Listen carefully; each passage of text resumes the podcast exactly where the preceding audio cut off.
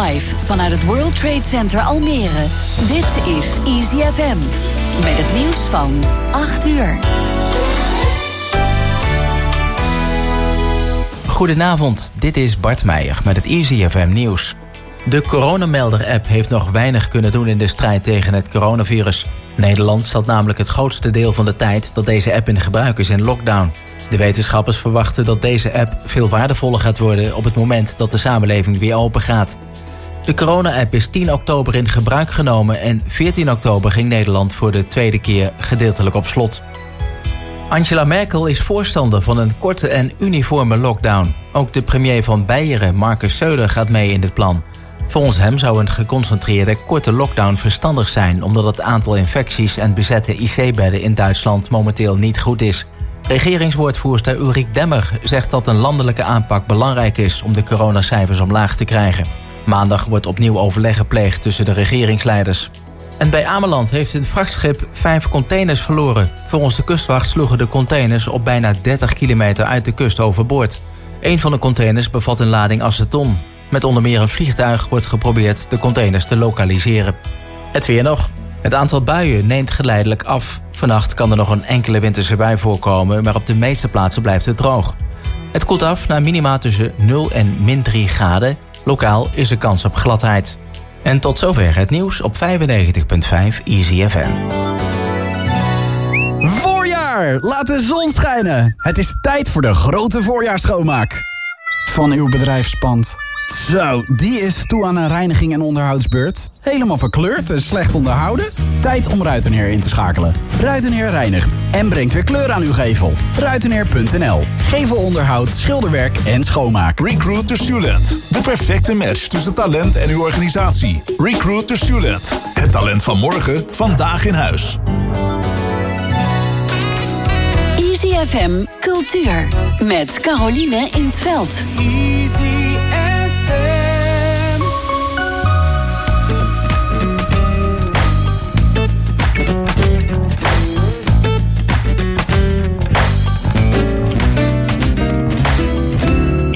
woensdagavond van 7 tot 9 uur. Easy Cultuur. Buiten of binnen, cultuur prikkelt de zinnen. Tussen kleine kunst en groots muzikaal geweld. Caroline in het veld.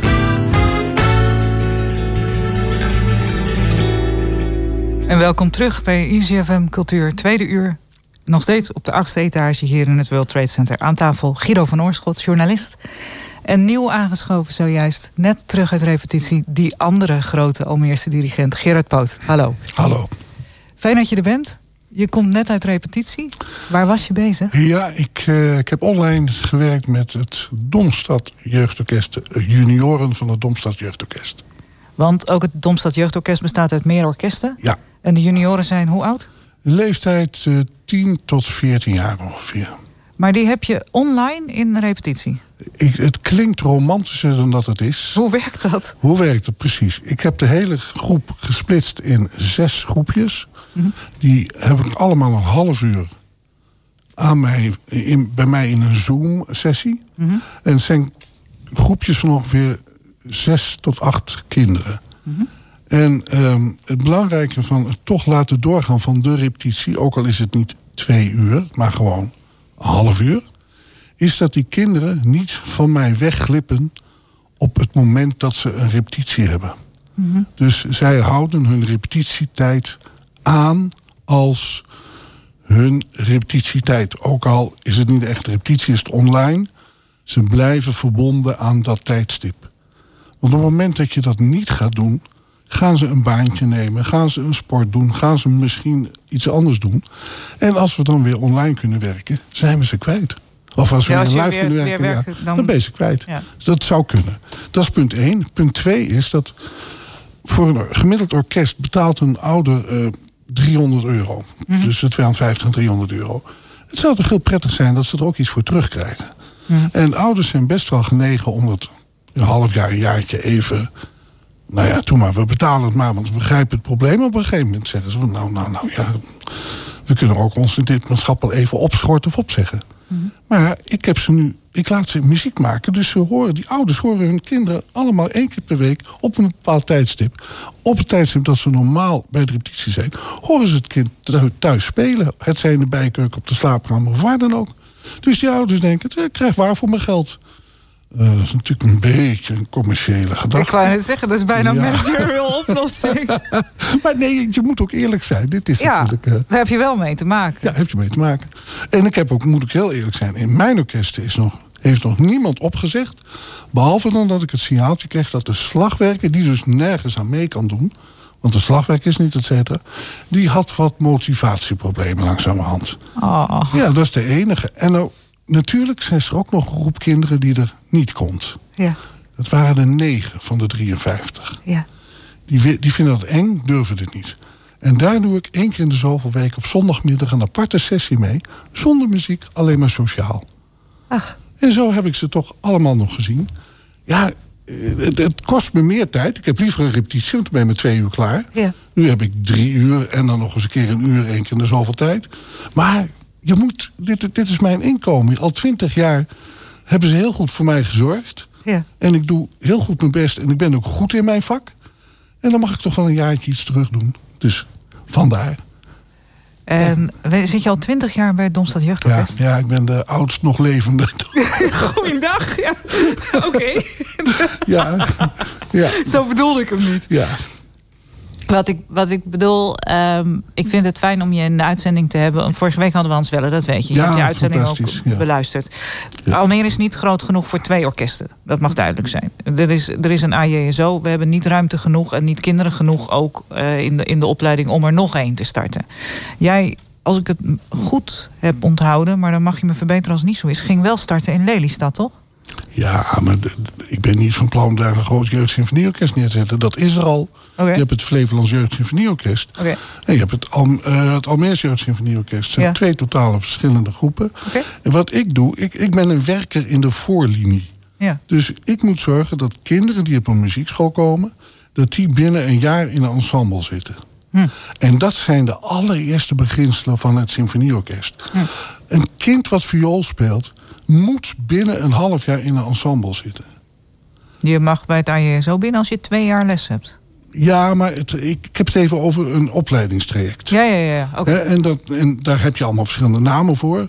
Maar het belangrijkste is, en dat is ook het instituut muziekschool... tegenwoordig allemaal onderdelen van kunstencentra... Mm -hmm. een muziekschool heeft een meerwaarde boven een particuliere praktijk. Ja. En die meerwaarde is dat ze samenspel kunnen organiseren. Ja.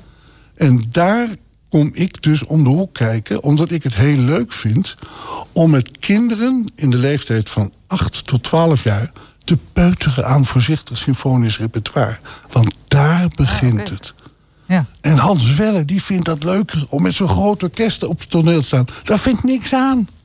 Vind ik helemaal niet leuk. Dat is me veel te veel toestand. Okay. Ik ben dirigent geworden om, hem, om, om, niet het publiek aan te hoeven kijken. Met mijn rug naar het publiek te staan. Veel te eng. Dus laat mij maar leuk met kleine groepjes werken. Daar ben ik goed in. Ja, en Hans is heel goed in grotere groepen. Dus laat hem dat maar doen. Nou, wat ik altijd bijzonder vind aan jou... ik heb natuurlijk een aantal keren met je mogen werken... maar jij krijgt alles op de klank. Dat, dat, ja. dat vind ik nog steeds een van, van de meest wonderbaarlijke talenten die je hebt. Het maakt niet uit hoe oud of hoe afgesleten of hoe, hoe vals. Je bent er een uur mee aan het werk en het klinkt. Ja, waar, waar ik heel veel beginnende dirigenten onder zie... lijden is dat ze niet in iedere repetitie een paar momenten creëren... waarin het orkest geweldig klinkt. Ja. En dat doe je door ze te prikkelen met repertoire waar ze voor moeten werken... en daarnaast wat subrepertoire te doen wat heel toegankelijk is... maar waarvan je weet van, hier kan ik een geweldige klank mee maken. Ja. En die klank, daar worden kinderen warm van. Daar worden ze enthousiast van. En dat is mijn vak. Zorgen dat ze enthousiast worden. Want ik heb een enorme, stiekeme, geheime agenda. Zorgen dat het kind niet stopt op het instrument... voordat ze 18 of hij 18 is. Want als je 18 bent, ga je studeren. Mhm. En dat doe je zo ver mogelijk weg van je ouders. En dan moet je je instrument meenemen... om dan in de studentenorkest verder te gaan. En dan heb ik mijn doel bereikt. Dus dat is het enige wat ik doe. Ik doe alles om te zorgen dat ze niet stoppen met spelen op hun instrument. Wauw. Dat is mijn verhaal. Nou, dat wordt een heel kort uur. Heerlijk, hè? Om een bevlogen vakman te Ja, horen. goed hè? Ja. Maar kijk, het is de ellende. Het is ook het enige wat ik echt goed kan. Maar dat is toch genoeg? Dat is toch genoeg? En dat is prima. Ja. Maar daarom zal ik nooit een. Ik word nooit een concurrent van Hans, ook niet in Lelystad. In Lelystad gaan we nu werken om al die. Kijk, een, een muziekschool bestaat altijd uit eilandjes. Ja. En dan moet ik zorgen dat al die eilandjes af en toe leuke mailtjes van mij krijgen. En dat ze dan eh, kinderen naar mij sturen. En dat, dat ze ook eh, de ouders vooral vertellen. Op het moment dat een kind zich aanmeldt. Een groot inschrijfformulier. En dan moet je eigenlijk al vertellen. Maar u komt nu één keer per week straks naar les. Maar straks wordt het twee keer per week. Hè? Dat is één uur les en een uurtje ensemble. Want anders heeft het geen zin. En nou ben ik constant in onderhandelingen met die muziekschool... om te, zorgen dat het ensembleuurtje gratis is. Hè, want dat is natuurlijk heel mooi, want dan heb je het helemaal voor elkaar. De- of dat ze er heel weinig voor betalen. En dan heb je het voor elkaar. Want ik zei het precies vertellen, ik heb het uitgerekend. Als een kind, laten we zeggen tussen 8 en 12 jaar... in een week thuis repeteert... studeert het gemiddeld... en word niet boos als ik het zeg, want er zijn dus uitzonderingen... maar gemiddeld 10 minuten per dag. Ja, dat klopt. Dat is wat ik er thuis doorheen krijg. Meer lukt niet. Precies. En in het weekend zijn ze vrij, want dan hebben ze ponyrijden. En op zondag, ja nee, dan hoef je niet op je instrument te spelen. Oh nee, nee, zo erg is het niet. Dus- maar het is inderdaad 10 minuten. Dus dat betekent dat je 50 minuten repeteert en studeert Mhm. per week. En dan gaan ze dus na een jaar in een ensemble. En daar komen ze bij mij. En wat ik doe, is ik zorg dat ze van dat uur 50 minuten spelen. Mhm. Dus ik ben de geheime speelverdubbelaar. Dus in plaats van 50 minuten spelen ze twee keer 50 minuten per week. En dan zie je die kinderen echt gewoon sneller vooruit gaan. Ja. En de docent is erbij. Ik weet inmiddels hoe ik vingertjes recht moet zetten op een viool. En hoe dat dan klinkt. En dat, eh, nou, daar help ik ze ook mee. Want soms klinkt het zeer experimenteel. Dat is heel erg leuk voor andere uitzendingen. Maar je moet toch zorgen dat het een beetje aangenaam ook is voor de oren. En moet die kinderen moet je ook leren die klank te ontdekken.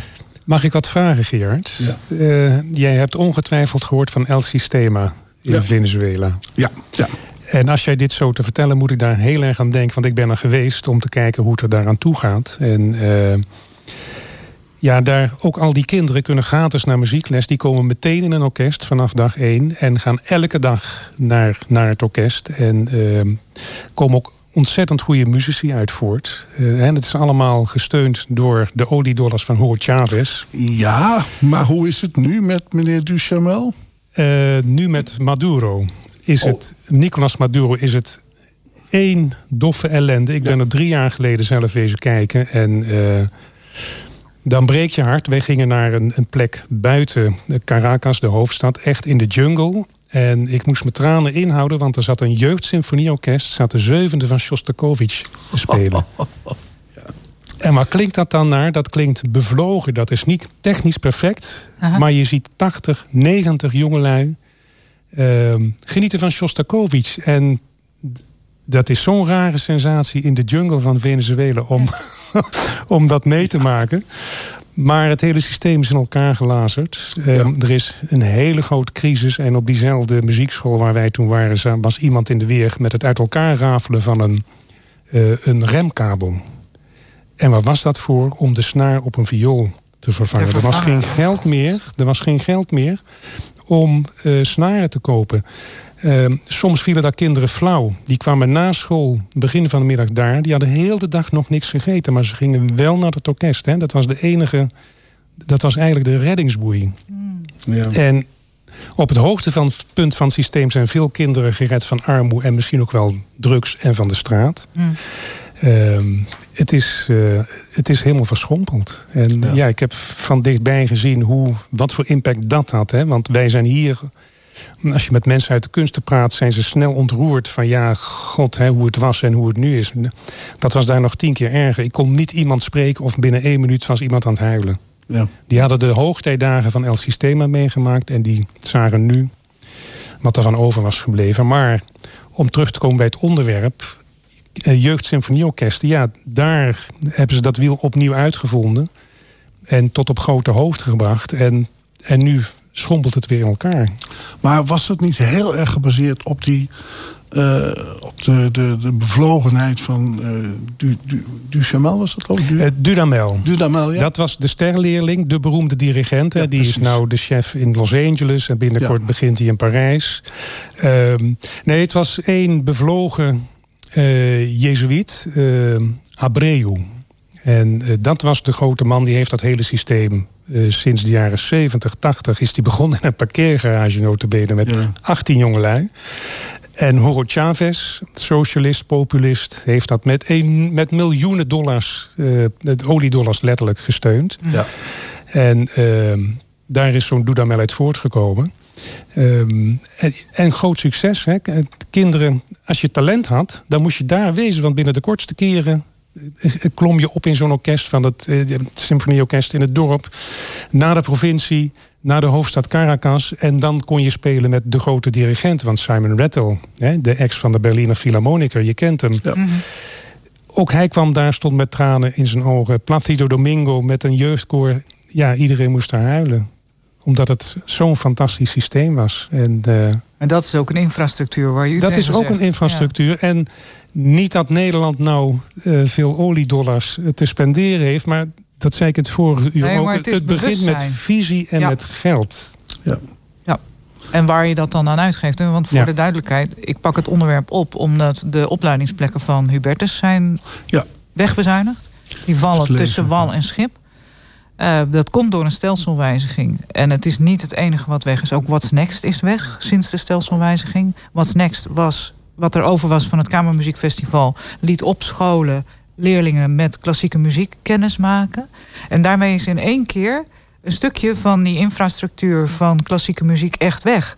Als je nu les hebt bij het CKV en je speelt niet een instrument waarmee je in het AJSO kunt, dan is er dus niets. Ja.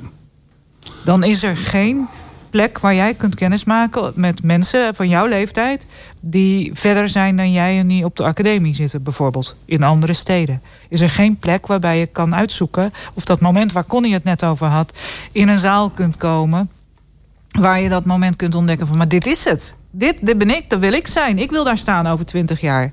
Dat, dat is onderbroken. En dat kan de bedoeling niet zijn. Maar de reactie van de gemeente in Almere deze week was... wij hebben een miljoen uitgegeven voor muziekeducatie op scholen via collage. Ja. Niet wetend dat een systeem zoals van Hubertus... waarbij ze instrumenten op de school neerzetten... en daar leerlingen les gaan geven... zodat ze daarna naar het orkest kunnen...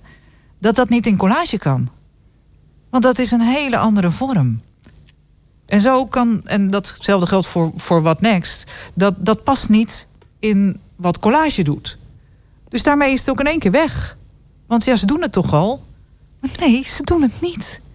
En uh, de leerorkesten van Kleur en Cultuur, waar zijn die gebleven? Geen idee.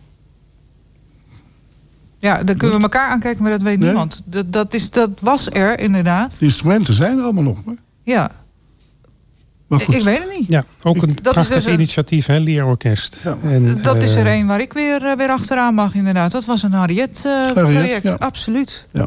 Over visie gesproken. Want dat was iets, inderdaad, dat trok ze helemaal overeind dan. Maar ja, goed, eh, corona heeft dat ook stilgelegd. dat snap ik wel. Maar er is volgens mij ook geen voortzetting van het project.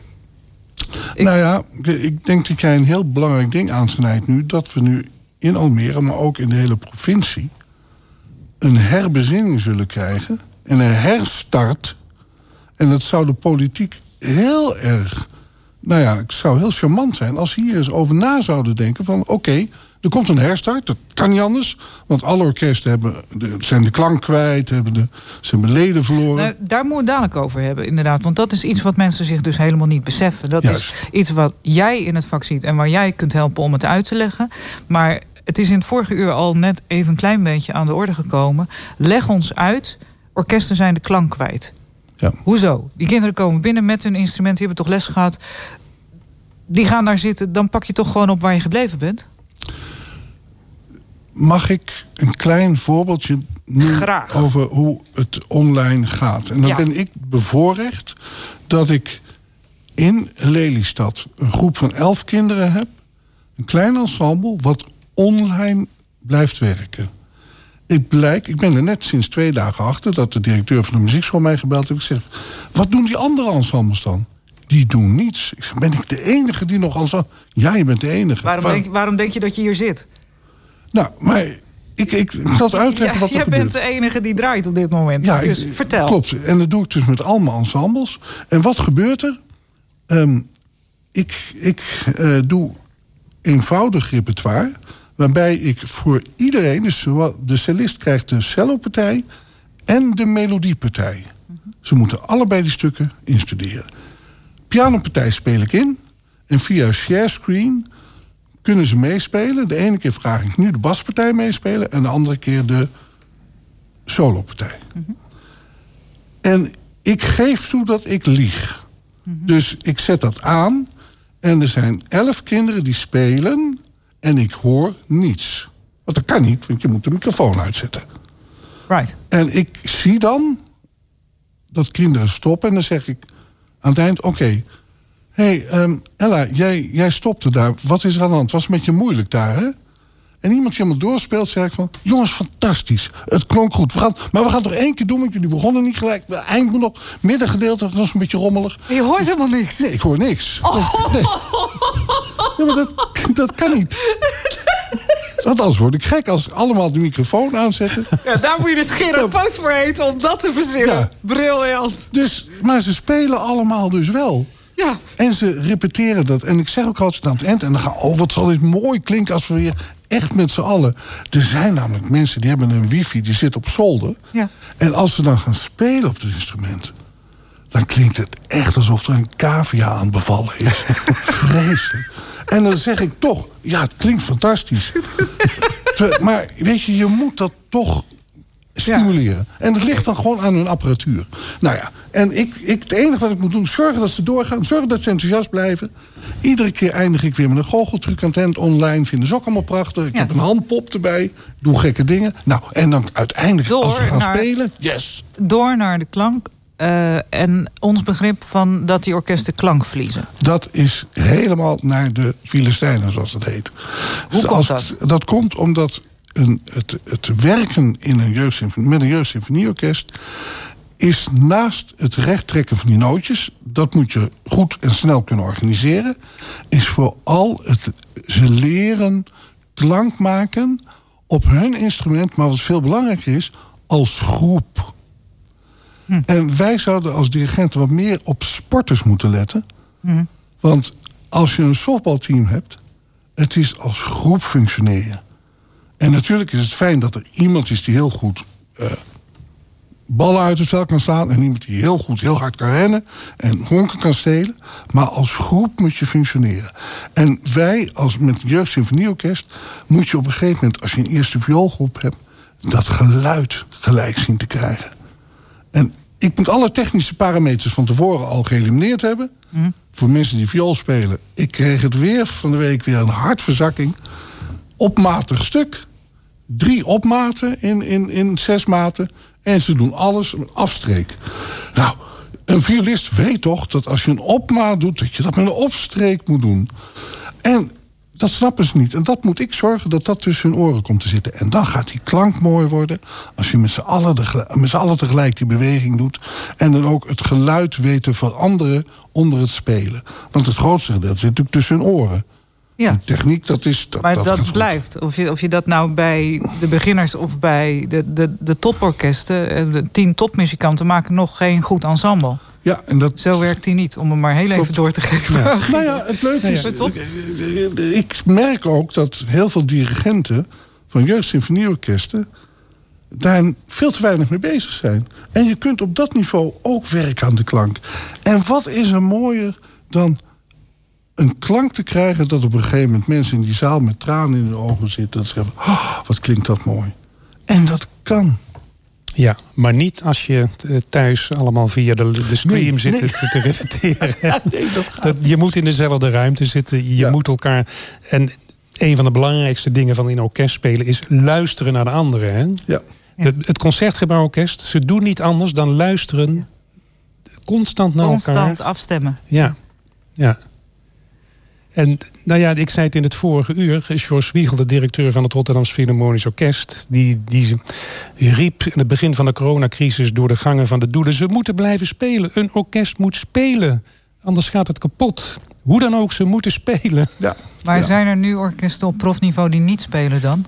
Ze spelen allemaal. Ja, toch? Eh, Dat mag, hè? er is ontheffing voor. Ja, en zeggen, en, en, en ze streamen. Maar ehm, ik hoor het Jaap van Zweden nog zeggen. Die, eh, die had een concert eh, gehoord van het Concertgebouworkest in de grote zaal. die met 250 man gevuld was. Mhm.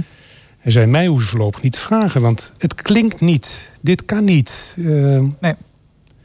Dus orkestleden, de anderhalve meter, ze moeten anders gaan luisteren. Ja. En daar gaat tijd overheen en dan wordt het misschien beter. Maar het blijft gewoon zo, een vol concert, een volle grote zaal van het concertgebouw heb je nodig om een normale symfonie mooi te laten klinken. Daar, daar is het op gebouwd, daar is het op afgestemd. Daar zijn de muzici op getraind. En dat kan nu niet. Dus het- wordt een verrassing. Het eerste uitverkochte concert in de grote zaal, Malen door het Concertgebouworkest. Hoe klinkt dat? Hoe hebben ze de crisis doorstaan? Ze spelen nu wel in andere formaties, ander repertoire op anderhalve meter, maar dat is niet het echte werk. Ja, maar er is toch niets op tegen om even een tien jaar geen malen te spelen? Om dat weer te gaan opbouwen? D- dat is een andere discussie, denk ik. hè. Ja. Maar, maar malen voor het Concertgebouworkest. Ja, goed. Ik zeg ook wel eens van jongens, er is, er is nog iets heel anders dan malen. Maar ze hebben zo'n traditie met malen. Hè. Willem Mengelberg, toen de dirigent, jonge dirigent die malen naar Amsterdam haalde. En, en die symfonie in première heeft gebracht in, eh, voor Nederland. Die traditie koesteren ze. En daar zijn ze ook ontzettend goed in. Maar natuurlijk, eh, nou merken ze ook. Er is ander repertoire, er zijn andere manieren om samen te spelen. En het goede daarvan zullen ze Ja. heus wel behouden. Ja. Waar ik veel benieuwder naar ben, is wanneer komt het moment nou is dat de profs de amateurjeugd gaat omarmen om daar eens lessen aan te gaan geven. Dat is al bezig. Ja, het is bezig, Het is maar dan om hele maar- commerciële redenen, omdat ze dan wat meer subsidie kunnen Precies, krijgen. dat het zit moet er vaak uit je achter. hart komen. Ja. En ik heb Ja. in Engeland heb ik ben, ik ben met, met orkesten naar Engeland gegaan. En dan had je zaterdagochtend repetitie van hun orkest. En daar zaten gewoon acht docenten tussen. En die Ja. liepen rond, die hielpen. Die waren Ja. hun. Een Ik ding denk, aan doen. dan Ik moet heb je- het in Salzburg ook gezien. In de, in de kerstvakantie inderdaad. Gewoon allemaal docenten en topmuzici die gewoon naar huis kwamen... om daar met familie de kerst te vieren. En die dan ondertussen daar in het muziekhuis. En nou echt. Maar dat was ook... Daar, daar kon je dan naartoe. Dat was een voorstelling. Die was echt alleen maar gewoon voor direct betrokkenen en publiek. En mijn ouders die geven altijd tijdens de, de eh, eh, festspielen... geven zij hun huis voor wie maar moet logeren ter beschikking. Iedereen kan er komen eten. En, dus die mochten daarbij. Maar daar, nou, wat je dan hoort... Waanzinnig werkelijk. Ja, maar dat besef is wel gegroeid hè, in de professionele wereld. Sinds, daar hebben we weer Halbe Zijlstra Ja. en de bezuinigingen. Opeens kwam de muziekwereld erachter van... hé, hey, het is niet vanzelfsprekend wat wij doen. Het wordt niet vanzelfsprekend gedragen. Er is kritiek op mogelijk. Sterker, ze kunnen een derde van het kunstbudget zomaar Ja, zomaar schrappen. afhakken. Wat Ja. hebben wij verkeerd gedaan? Ja, ja. Koren, zoals het Nederlands Kamerkoor en Capelle Amsterdam... die zijn vanaf toen nadrukkelijk de verbinding gaan zoeken... met een van de grootste culturele sectoren van Nederland... de amateurkoorwereld. Juist. Waarom was dat verband er niet? Hè? Ja. Ja, omdat ze de noodzaak niet Daar voelden. wordt nou keihard aan gewerkt. Ja. Ja. Dus in, in die zin, er is echt wel wat veranderd. ja. Elke crisis heeft zijn Heeft voordeel. voordeel. Ik heb een fragment. We gaan er heel even naar luisteren. Op het Grachtenfestival voor jonge makers. Als u met me meekijkt, dan ziet u hier een gouden envelop. Hij is verzegeld door onze vaste Grachtenfestival notaris. Ik kon er ook niet doorheen kijken en stomen lukte mij ook niet. Daar zit de naam al in van de winnaar van die Grachtenfestivalprijs.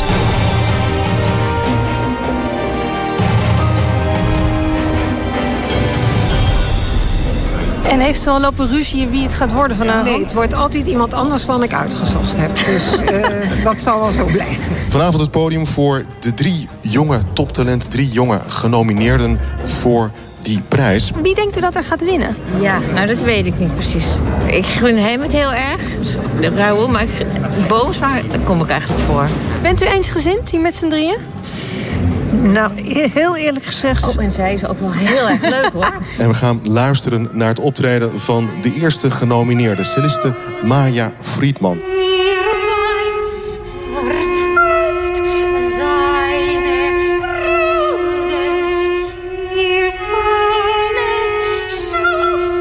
Hebben ze indrukwekkende biografie allemaal? Heren, de tijd, er staat er heel veel in. Wie denkt u dat er gaat winnen? Eh, ik denk Maya. En wa- waar baseert u dat op? Omdat ik zelf gek ben van cello. Een professionele concertbezoeker hier. Wie denkt u dat er gaat winnen? Ik hoop Maya Friedman. En waarom precies? Nou, die vind ik zo geweldig. En ik, ik ben echt fan van haar. Dus ze doet hele mooie dingen op de cello. En nu ook weer een prachtig programma. Dus ik hoop van harte dat zij wint. Maar ik gun het andere twee ook natuurlijk. Ze won hem niet. Ze won hem niet. Dat was de bariton Raoul Stefani. Inderdaad, want jij zat in de jury. Sterk, ik was voorzitter van de jury. Waarom Ja. ik het, het fragment erbij heb genomen... met het verdwijnen van ons Kamerfestival... en die hele dynamiek eromheen... ehm, kan je ook niet meer eh, op deze manier eh, een, een maker in opkomst steunen... in het opbouwen van die carrière. Ehm, en eh, zou je daar iets over willen zeggen... zodat wij beter kunnen begrijpen wat de functie van zo'n grachtenfestival... en van zo'n competitie op dat moment, wat die is. Hoe dat, hoe dat op elkaar uitwerkt. Het is altijd goed voor musicus om ergens naartoe te werken. Hè? Naar, en dat was op de muziekschool al zo. De, de, jaarlijkse uitvoering. Eh, Je werkt ergens naartoe en uiteindelijk stijg je boven jezelf uit. Je kunt meer dan je misschien had gedacht. En dit eh, eh, concours is voor jonge professionals die of nog net wel studeren of net niet. Eh, die moeten daar naartoe werken. Eh, die moeten in korte tijd een programma instuderen. Die moeten optreden voor publiek. Hè, wat, wat nog iets heel eh, aparts is. Wat je ook moet leren vaak. En die moeten zichzelf op een of andere manier aan de kijker spelen. Of zingen. Dus die moeten na gaan denken van hoe, hoe onderscheid ik mij van anderen? Wat, wat heb ik te bieden wat er nog niet is? Dus het, het maakt aan alle kanten creativiteit los. En met eh, het winnen van een prijs, de, de eerste of misschien ook de tweede of de derde, dat maakt eigenlijk niet eens zoveel uit. Wel nee, Maya werd Daar tweede, zit- maar het is er absoluut geen windeieren. Precies, en er is een, vaak een geldbedrag is eraan verbonden, of een opleidingstraject, of een begeleiding. Ehm, dat is allemaal nodig als jij begin twintig bent, om uiteindelijk je als zelfstandig eh, professioneel muzikus te kunnen vestigen. En of je dat nou eh, in Nederland doet, of dat jouw carrière uitstraalt naar het buitenland, dat, dat is niet eens zo belangrijk. Maar je hebt al die steuntjes in de rug nodig om jezelf optimaal te ontwikkelen. Want vergeet niet, er gaat vaak al 15 jaar eh, aan opleiding vooraf. Hè? Dat is wat Gerard doet met al die jongelui. Opleiden, eh, muziek leren maken, naar elkaar leren luisteren, dat instrument leren beheersen. Dag in, dag uit. Hè? Anders haal je het niet. En dat culmineert in zo'n concours. En daar komen de grootste talenten samen en de, en de creatiefste geesten. Dat is een hele duidelijke. Als we dat dan vertalen naar de infrastructuur eh, hier in de stad, dan betekent dat eigenlijk dat de uitdagingen voor makers in klassieke muziek hier nul zijn. Er zijn, er, er zijn geen open podia. En er zijn al helemaal geen plekken waar je, zoals je als je in de beeldende kunst zit. En dan, dan zijn er regelmatig open calls waar je kan reageren met je werk. En als je geluk hebt, dan mag jij jouw standbeeld gaan maken. En krijg je dus de middelen en de materialen vergoed om dan uiteindelijk met je werk te komen. Beeldend doen we het niet zo gek. Maar als je nou per ongeluk viool speelt, of zoals Maria Cello, of je bent bariton, zoals de jonge Raoul Stefani inderdaad, die won hem. Ehm, als je dan uit Almere komt, dan moet je hier dus weg. Wil je dat gaan doen? En ik wil niet zeggen dat wij het Grachtenfestival moeten gaan vervangen, maar het klopt niet dat er niks is. Weet je, je moet je altijd realiseren. En ik ga dat binnenkort eens een keer bij mij op Facebook zetten. Ik heb foto's. Ik leven jeugdorkest gedaan, maar ik deed altijd een jeugdorkestproject in, in Oostenrijk op een kasteel. Ik heb foto's van een meisje wat op een stoel zit te luisteren naar het orkest terwijl ik bezig ben. En ze komt niet met de voet op de grond, dus ze trappelt zo. En dat kleine meisje, wat groter, die wilde meespelen. Ze wilde eigenlijk cello leren spelen. Nou, ze is begonnen met cello. Zo klein, zo'n kleine cello. Ik heb allemaal baspartijen zitten schrijven, om zitten schrijven naar de cello. Dat zij het kon. Nou, om een lang verhaal kort te maken. Ze heeft net haar vijfde cd, vijfde of zesde cd gemaakt. Ik weet niet of je die kent, Harriet Krijg. Ja, natuurlijk. Dat is dus... Is dat dat meisje? Dat is dat kleine meisje. Dat 15 jaar lang, de laatste jaren niet meer, want toen was het te goed om. Maar Dit is nou heb- een, een van de topsolisten van de wereld. En, en ook kamermuziek, hè? Eh, Ja. ja. Maar dus je weet dus nooit wat je dus in je orkest krijgt. Nee, Dat ze zitten er allemaal bij. Ja. Ik heb een hele mooie foto. Daar zit ze dus vooraan cello te spelen als 11-jarig meisje of 12. En ik ben er hartstikke trots op. En ik heb de vader heeft mij eens uitgenodigd. Oh, een En terecht, geven. Kom en even terecht ja. Ik ben een keer naar Wenen gegaan om haar te interviewen. Inderdaad. Echt? Ja, ja. Ja. En eh, als je het hebt over een bevlogen geest, eh, dan heb je het over haar. Ja. En, eh, En ik ken haar oma die overleden is. Ja. Of haar ouders. Ik heb haar dus... Nou ja, en dat is een manier. Hè. Zij, op een of andere manier is zij daaraan ontstegen. Ehm, ik weet niet of jullie Carla Leurs kennen. De violiste die in het Meisterorkest twee seizoenen terug de, de concertmeester was. En ook een hele goede violiste. Ja, die had het geluk dat iemand van de muziekschool ergens in Broek in Waterland, een docent, dacht van... hé, hey, Hey. jij bent een talent. Ik hoor wat, ja. Zevenjarig meisje. Ja. Jij gaat naar Koosje Wijzenbeek, die een paar weken terug is overleden. Die Ja. ontzettend veel strijkers in Nederland naar top, topniveau heeft begeleid. Hè? Ja. Dus je, je moet geluk hebben. Eh, dan kan het, maar in Almere moet je misschien wel heel veel geluk hebben. Wil iemand opmerken dat, jij, dat in jou zo'n talent schuilt? Ja. Als, als niemand het ziet, Ja. dan, is, dan is het echt verloren. Er moeten wel mensen zijn. er die- moeten wel die- mensen zijn die, het kunnen kunnen, waarnemen. kunnen waarnemen. Ja, maar die ook op een gegeven moment. Kijk, het is niet mij in mijn zwarte jasje. Ik, ik ben daar met een rode jas met gele stippen. Ze kijken naar me, ze willen wat van me. En eh, ik wil wat van hun en krijg het voor elkaar omdat ze mij een gekke vent vinden. En die vonk, als die er is, Ja.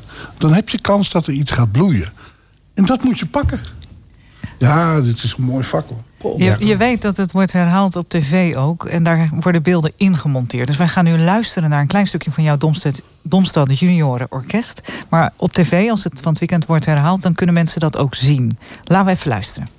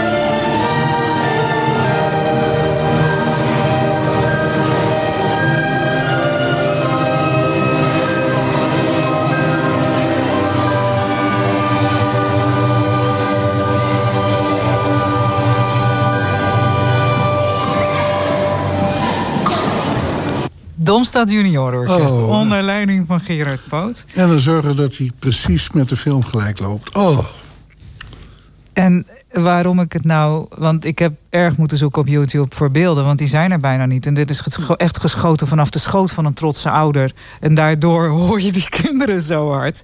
Maar wat hier gebeurt, en daarom wilde ik dat fragment zo graag... Jij neemt werkelijk zittend op die kruk dat hele orkest en dat hele publiek mee. In die film, hij draait een film met een sneeuwmannetje en dat sneeuwmannetje gaat vliegen. En je, je merkt dat het gebeurt. In die compositie, wat doe je daar? ja. eh, ik hou van die muziek. Ja. En dat houden van straal je uit. En dat ik het zitten doe, is inderdaad wat onhandiger. Maar door die hoge kruk lukt het. En dat geef je aan die kinderen mee. Het is zo, een forte krijg je niet om grotere gebaren te maken. Een forte krijg je om iets meer in je stok te knijpen. En dat subtiele gebaar, dat moet je leren. Die kinderen die moeten dat leren begrijpen. En ja, dat, dat is dus het geheim van dirigeren. Je hebt ze dus een vliegend sneeuwmannetje als beeld gegeven om ze te leren vliegen in muziek. Precies. Je geeft letterlijk vliegles. Ja, en dat is, ja, dit stuk is geweldig. Je hoort ook, het leuke is, het, het schuift steeds van elkaar weg. En dan komt het weer bij elkaar. En dat maakt het voor mij als dirigent natuurlijk leuk. Is niks saaier dan een kwartje erin gooien. En de het komt er vanzelf uit. Nee, je, je moet wat te werk hebben. Je moet horen dat die pianist wegglijdt. En dan even aankijken. En je moet zorgen dat... En dit stuk heeft gelukkig punten dat ze op de akkoordiek al weten van... oké, het gaat iets te snel, ik moet even terug. Ja. En ze zien wel dat ik... Op, eh, als fout gaat, begin ik namelijk te lachen. Dat heb ik ze geleerd. Dat heeft helemaal geen zin om boos te kijken. Dan moet je beginnen te lachen. En want kijk, eh, jullie kennen de schilder Bob Ross. Ja. Ja, dat, eh, er bestaan geen foutjes. Het zijn eh, charmante vergissingjes. Dat moet je helemaal niet als een foutje zien. Dus die creativiteit moet je niet belonen met... Maar gewoon... En dan kom je er wel. dus ja, nee, leuk, leuk. Wat leuk dat je die opname gevonden hebt. En, en ehm, wat, waar, ja, het, maar het is mateloos fascinerend voor mensen die niet begrijpen hoe je een klank van een orkest maakt. En dit vond ik een heel goed voorbeeld. Ik bedoel, de, de afdeling TV zal misschien denken: van waar kom je nou weer aan? Wat zijn dit voorbeelden? Maar Ja. dit, dit is een plek waar je zo duidelijk kan zien hoe een dirigent een klank van zo'n orkest maakt. Werkelijk. Ja. Wat jouw vak nou is. Want wij zien inderdaad alleen maar die rug en we zien iets van dit. Maar wij begrijpen niet wat jouw vakmanschap is. Dat jij werkelijk degene bent die zorgt dat dat bij elkaar komt en weer terug. Dat dat niet zomaar in die kinderen zit, maar dat je dat dus erin traint. Ja, en wat het allermoeilijkste is, is zorgen dat je piekt op het juiste moment. Ja. Dus dat ze op het moment dat ze het concert ingaan, Ja. dat ze eigenlijk een beetje nerveus zijn, omdat ze net die laatste 2% niet goed hebben. En dan moet er collectief iets gebeuren, waardoor ze zeggen, ja, en dan gebeurt het. Ja. Dus eh, als ze het doodgespeeld hebben, dan ervaart het publiek niets. Mhm. Dan is het, nou, oké, dan doen ze het plichtsgetrouw. Maar als ze dus op het puntje van de stoel zitten, omdat ze weten dat ze een echt een grote klus klaren, dan heb je ze. En, en dit zijn groepen van hoe oud? Eh 10 tot 14 jaar was dit. Ja. En dan heb je dus ook nog ergens een vocaliste vandaan gehaald. Ja, maar ja, Utrecht, kathedrale koorschool. Oh, oké. ja, ja, dat was geen punt. Dat was geen punt. Pianiste, jochie van 11 jaar of 10 jaar, geweldig. Ook een talentje, geweldig. Ja, Utrecht, geweldig. Ja, Daar zit je goed. alles beschikbaar. Alles beschikbaar, ja. En ze hebben daar gewoon 180 eh, kinderen in, in vier orkesten zitten. Ja. Dus dat, dat kan. Dus er is nog genoeg te groeien. En eh, daarom vind ik het zo goed, omdat Almere is natuurlijk niet helemaal cultureel te, ver- te vergelijken met Utrecht. Nee, nee, maar Ja, ook veel jonger. zei, van Nee, waarom, bedoel- waarom, wat doe je in Almere? Maar ehm, daarom vind ik het zo knap wat Hans doet. Mhm. Want hij krijgt wel het resultaat. Mhm. En hij... ehm, kijk, hij heeft natuurlijk wel een beetje het probleem... dat je qua klank... zijn bezetting is zo groot... Mhm. dat hij kan in principe geen Beethoven doen... want dan moet hij de helft van zijn orkest naar huis sturen. Ja, dus, dus ja, en hij, zou, en hij zou het heel graag willen doen, denk ik hoor. Dus hij zit wel een beetje aan het grote repertoire vast. Mhm. Ja, ook weer een uitdaging. En hij doet het. Yes. En dus het is in Almere aanwezig. Ik ben er alleen een voorstander van dat we eens wat meer gaan kijken. We hebben heel veel cultuur in Almere. Die hebben allemaal instrumenten, maar er is zo weinig verbinding met die andere instrumenten, met die andere groepen. Uh, we moeten veel meer doen in die scholen om ze bij elkaar te krijgen, om ze te laten samenspelen. En op wat voor groepen doel je dan? In andere genres van muziek? Of? In andere genres van muziek. De, de, we hebben zoveel verschillende mensen uit verschillende landen... die allemaal een muzikale achtergrond hebben. Zeker. En daar wordt heel weinig mee gedaan. Op orkestniveau? Op, nee, dat is natuurlijk... Misschien hebben ze andere uh, idee over hoe hun land hun orkesten inrichten. Maar al die instrumenten zijn er wel. En het is misschien leuk om dat eens een keer bij elkaar te doen. Ja. Dat, ja, ik wil zeggen, ik, ik, ik speel eh, de 187 nationaliteit. Ik speel toch heel regelmatig met mensen uit andere landen. Uh, met etnische instrumenten. Gewoon omdat ik het heerlijk vind om, om met kwartonen te werken. En ja, hoera, ik heb een instrument waarmee dat dan kan. Ja. Uh, maar dat is mijn, mijn gekte, zeg maar. Alleen, dat zijn nooit helemaal Almeerse gezelschappen. Omdat op het moment dat daar de eis van het kunde, de, de, het makerschap omhoog gaat. Je moet wel noten kunnen lezen, bijvoorbeeld. Neem maar even een uitgangspunt. Dan ben je 80% kwijt. Dat is niet erg, maar dan, dan haal ik nog steeds wel overal mensen vandaan. Maar die komen dan, dan, is, dan is het wel bak Nederland geworden. En niet meer bak Almere grens tot aan Poort. En, en daar moeten ze dan vandaan komen. Want dan ga je dat niet halen. Maar zijn we dan met onze opzet van onze symfonieorkest niet een beetje elitair aan het worden? Dat we alleen maar onze eigen dingetjes doen en dat doen we vreselijk goed. Terwijl er nog zoveel kinderen muziek maken. Ja, ik ken kinderen die rechtstreeks vanuit het AZC in de opleiding van het, uh, van het Jeugdsymfonieorkest uh, zitten. Dus in die zin, nee, kinderen dus willen. Er gebeurt wel wat. er gebeurt wel wat in die zin. En die krijgen een instrument mee en een, uh, en een opleiding.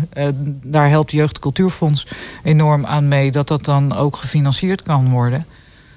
Maar je kunt ook met niks een opleidingsplekje bij het AJSO bereiken. Ja. Dus in die zin uh, gaat er niks mis. Maar als je het hebt over het cultureel goed... wat er aan muzikale rijkdom ligt... wat we nog verder kunnen ontdekken... ja, daar valt natuurlijk, natuurlijk valt daar altijd meer samen te werken. Alleen dat, dat heeft organisatorisch problemen op dit moment. Want ook daar ja, moet je dan weer gaan livestreamen... en dat werkt niet in een repetitie. Ja. Ja, ik ben in mijn, in mijn leven... En de, de, de, afdeling prof mag wel spelen, maar de afdeling amateur niet. Snap je? Dus dan, er zijn maar heel weinig uh, mensen hier, in, in, met name in die etnische hoek, die daar echt een werk van hebben kunnen maken. Ja. Dus ja, nee, als je nou hebt over uh, zo'n zo'n zo'n tweedeling in, uh, in, in mijn uitvoerend vak als muzikant. Ja, nee, ik ben inderdaad even een heleboel mensen kwijt die op dit moment niet mogen spelen. Ja. Die ik best, als we gewoon flink doorrepeteren, even mee kan nemen en, en neer kan zetten en met ons meenemen. En dat doe ik ook met alle liefde en heel vaak, dat weet iedereen van mij.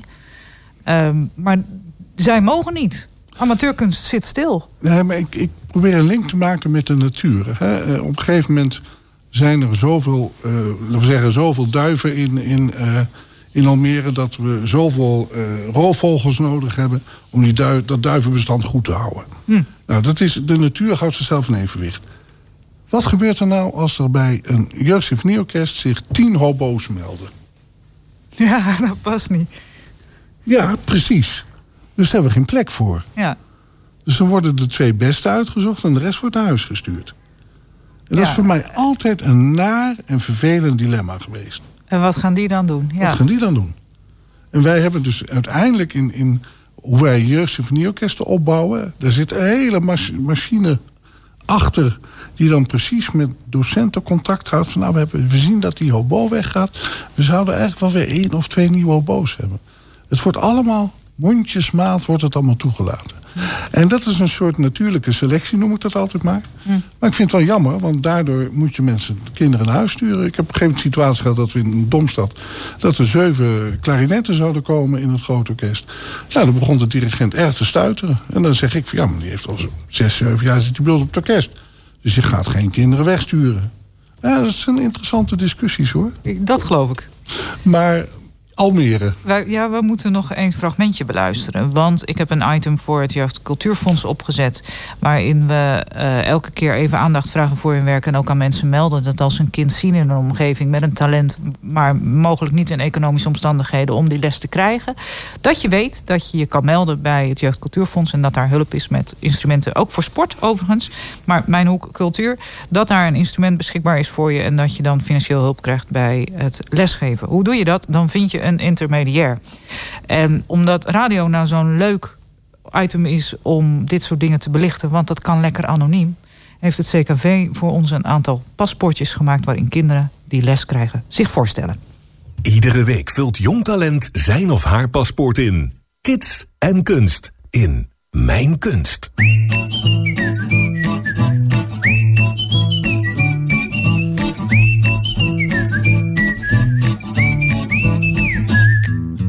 Hoe heet je?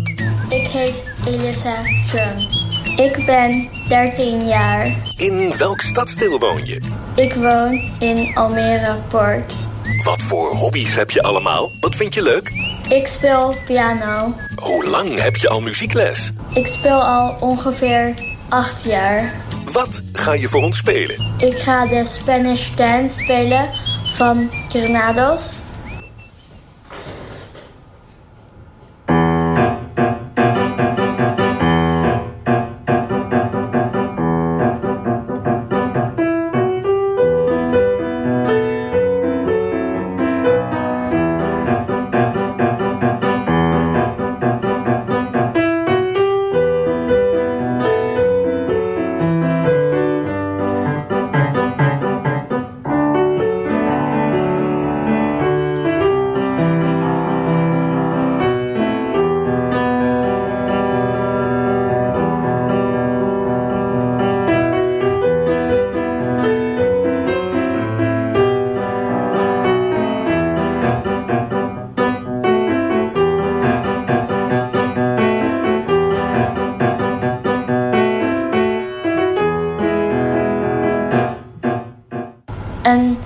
Coco van Daguin.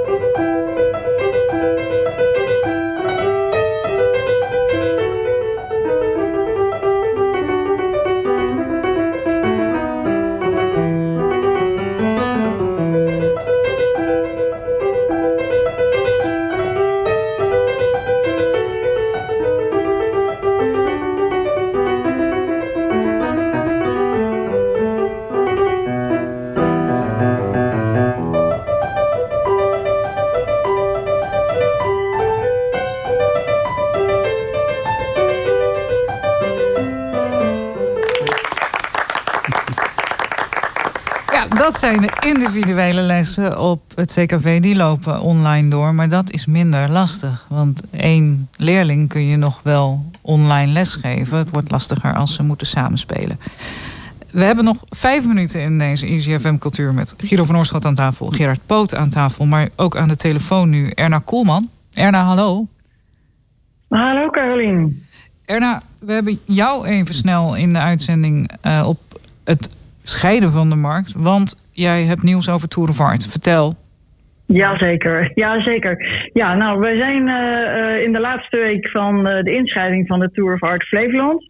Uh, inschrijven kan nog tot en met 10 april. En inschrijving staat open voor alle amateurs en professionele kunstenaars, beeldend kunstenaars uit heel Flevoland. En ja, wij gaan er eigenlijk zelf vanuit dat, we, dat het dit jaar gewoon wel doorgaat. Verleden jaar kon dat niet. En we, we, gaan er eigenlijk vanuit dat het in oktober wel weer mogelijk moet zijn om ons mooie evenement te laten plaatsvinden. En even voor de duidelijkheid, het heet Tour of Art Flevoland. En sommige mensen denken dat dat betekent dat er locaties door heel Flevoland zijn. Maar dat is dus niet zo. Kunstenaars uit heel Flevoland zijn welkom. Maar alle locaties die zijn in Lelystad. Wij zorgen voor voldoende goede locaties. Waarop per locatie minimaal drie kunstenaars uh, tegelijkertijd kunnen exposeren in het weekend van 2 en 3 oktober. Zoals altijd het eerste uh, hele weekend van oktober. En hoeveel werk moet je hebben? Wil je je kunnen aanmelden voor Tour of Art om daar te exposeren? Ja, nou op zich hoef je niet heel veel werk te hebben. Wij zijn, uh, het hangt een beetje van de locatie af waar je dan geplaatst wordt, wat je kan doen. Maar wij zijn vaak meer bezorgd om eh, eh, dat mensen inschrijven die bijvoorbeeld maar vier werken hebben. Hmm. Want dat- vinden wij niet leuk voor de mede-exposanten en ook eigenlijk niet voor de bezoekers. Nee, maar die luisteren ook, gaan dus toch daarom vraag ik dat. Eh, ja, nee, dat is heel goed. Heel eh, iets, zeg iets maar. gevorderder kunstenaar zijn. En dan kun je je aanmelden. En je kunt je aanmelden tot wanneer? Eh, tot en met 10 oktober, sorry, april. En dat Tot is, en met eh, 10 april. Dat is, eh, ja, tot en met 10 april kan je nog aanmelden. En dat gaat via onze website Mhm. www.tourofartflevoland.nl. En onder het kopje, een menukopje deelname, daar zitten de deelnemersvoorwaarden. En in die deelnemersvoorwaarden zit een link naar het online inschrijfformulier. Maar die deelnemersvoorwaarden zijn wel belangrijk, omdat je wordt beoordeeld, eh, er zit ballotage in. Je wordt beoordeeld op foto's en daar staat precies ook alles over eh, hoe, eh, hoe je die foto's moet aanleveren en, en hoeveel. En ook dat moet uiterlijk eh 10 april gedaan zijn, evenals de betaling van de deelnemersbijdrage. En wat ik wel belangrijk vind om te zeggen, is: eh, we weten natuurlijk niet 100% zeker of het door kan gaan. Maar als het niet door kan gaan, dan krijgen allegenen die hebben ingeschreven hun, deelne hun eh, deelnemersbijdrage teruggestort. Je krijgt gewoon je geld terug als het niet doorgaat. 100% zeker, absoluut. Nou, We hopen dat dat niet nodig is natuurlijk, maar... Nee, dat begrijp ik. Maar het is niet zo dat je altijd je geld terugkrijgt overal. Dus het is wel tof dat je dat er even bij nee, dat, www. ja, dat vind ik belangrijk. www.tourofart.flevoland.nl En .nl, daar ja. Bij deelname vind je alles. Erna, dankjewel. Absoluut. Dan heb ik namelijk nog net even tijd om jullie te bedanken voor een heel fijne uitzending. Graag gedaan. Ehm, Zeiden zij in koor. Kijk, dat is dan weer aardig met een dirigent aan tafel. Guido, eh, de, de podcast eh, Klassiek na corona. eh, overal te beluisteren op internet. Als je dat googelt, dan ga je hem vinden. Dan ga je hem vinden. Ja. Heel veel succes daarmee. Dankjewel. En, en dank voor, voor je bijdrage. En ik blijf graag met je in contact. Insgelijks. Gerard, heel veel succes met het luisteren naar ontzettend stille beelden van de leerlingen. Ja, het is een schitterend verhaal, echt. En, ja, we zijn er nog niet uit. Je bent nog, dus het is ook te zien dadelijk op tv, zeg maar. Ehm, dank voor je komst. En heel veel succes. Dankjewel. Volgende week is er weer een EasyFM Cultuur. Eh, dan weet ik nu even uit mijn hoofd nog niet wie mijn gasten zijn. Want zo dicht op de actualiteit zitten we. Maar dan gaan we in ieder geval weer bezig met literatuur. Eh, ik vond het fijn dat je luisterde. En ik wil bedanken voor techniek Jonathan Baai. En voor techniek thuis Arjen-Pieter van Westrenen voor het monteren van alle beelden. En Bart, dankjewel voor het monteren van of tv. binnen, cultuur prikkelt de zinnen. Dit programma terugluisteren? Dat kan op easyfm.nl. Graag tot volgende week.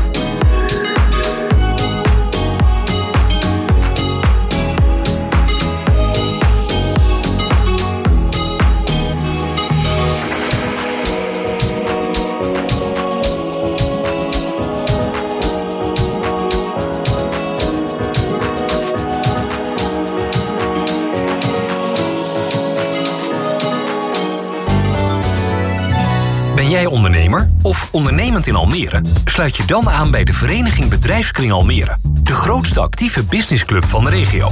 Ontdek meer dan 430 van onze leden. Leg de verbinding en werk mee aan een goed ondernemersklimaat. Meld je aan via vba-almere.nl.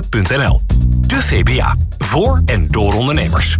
Ben je ondernemer en op zoek naar een bedrijfsfinanciering of vastgoedfinanciering? Finmatch vergelijkt en zorgt voor de financiering met de beste voorwaarden. Onafhankelijk, deskundig en betrouwbaar. Ga naar fin-match.nl en neem vrijblijvend contact op. Finmatch, voor elk bedrijf een passende financiering.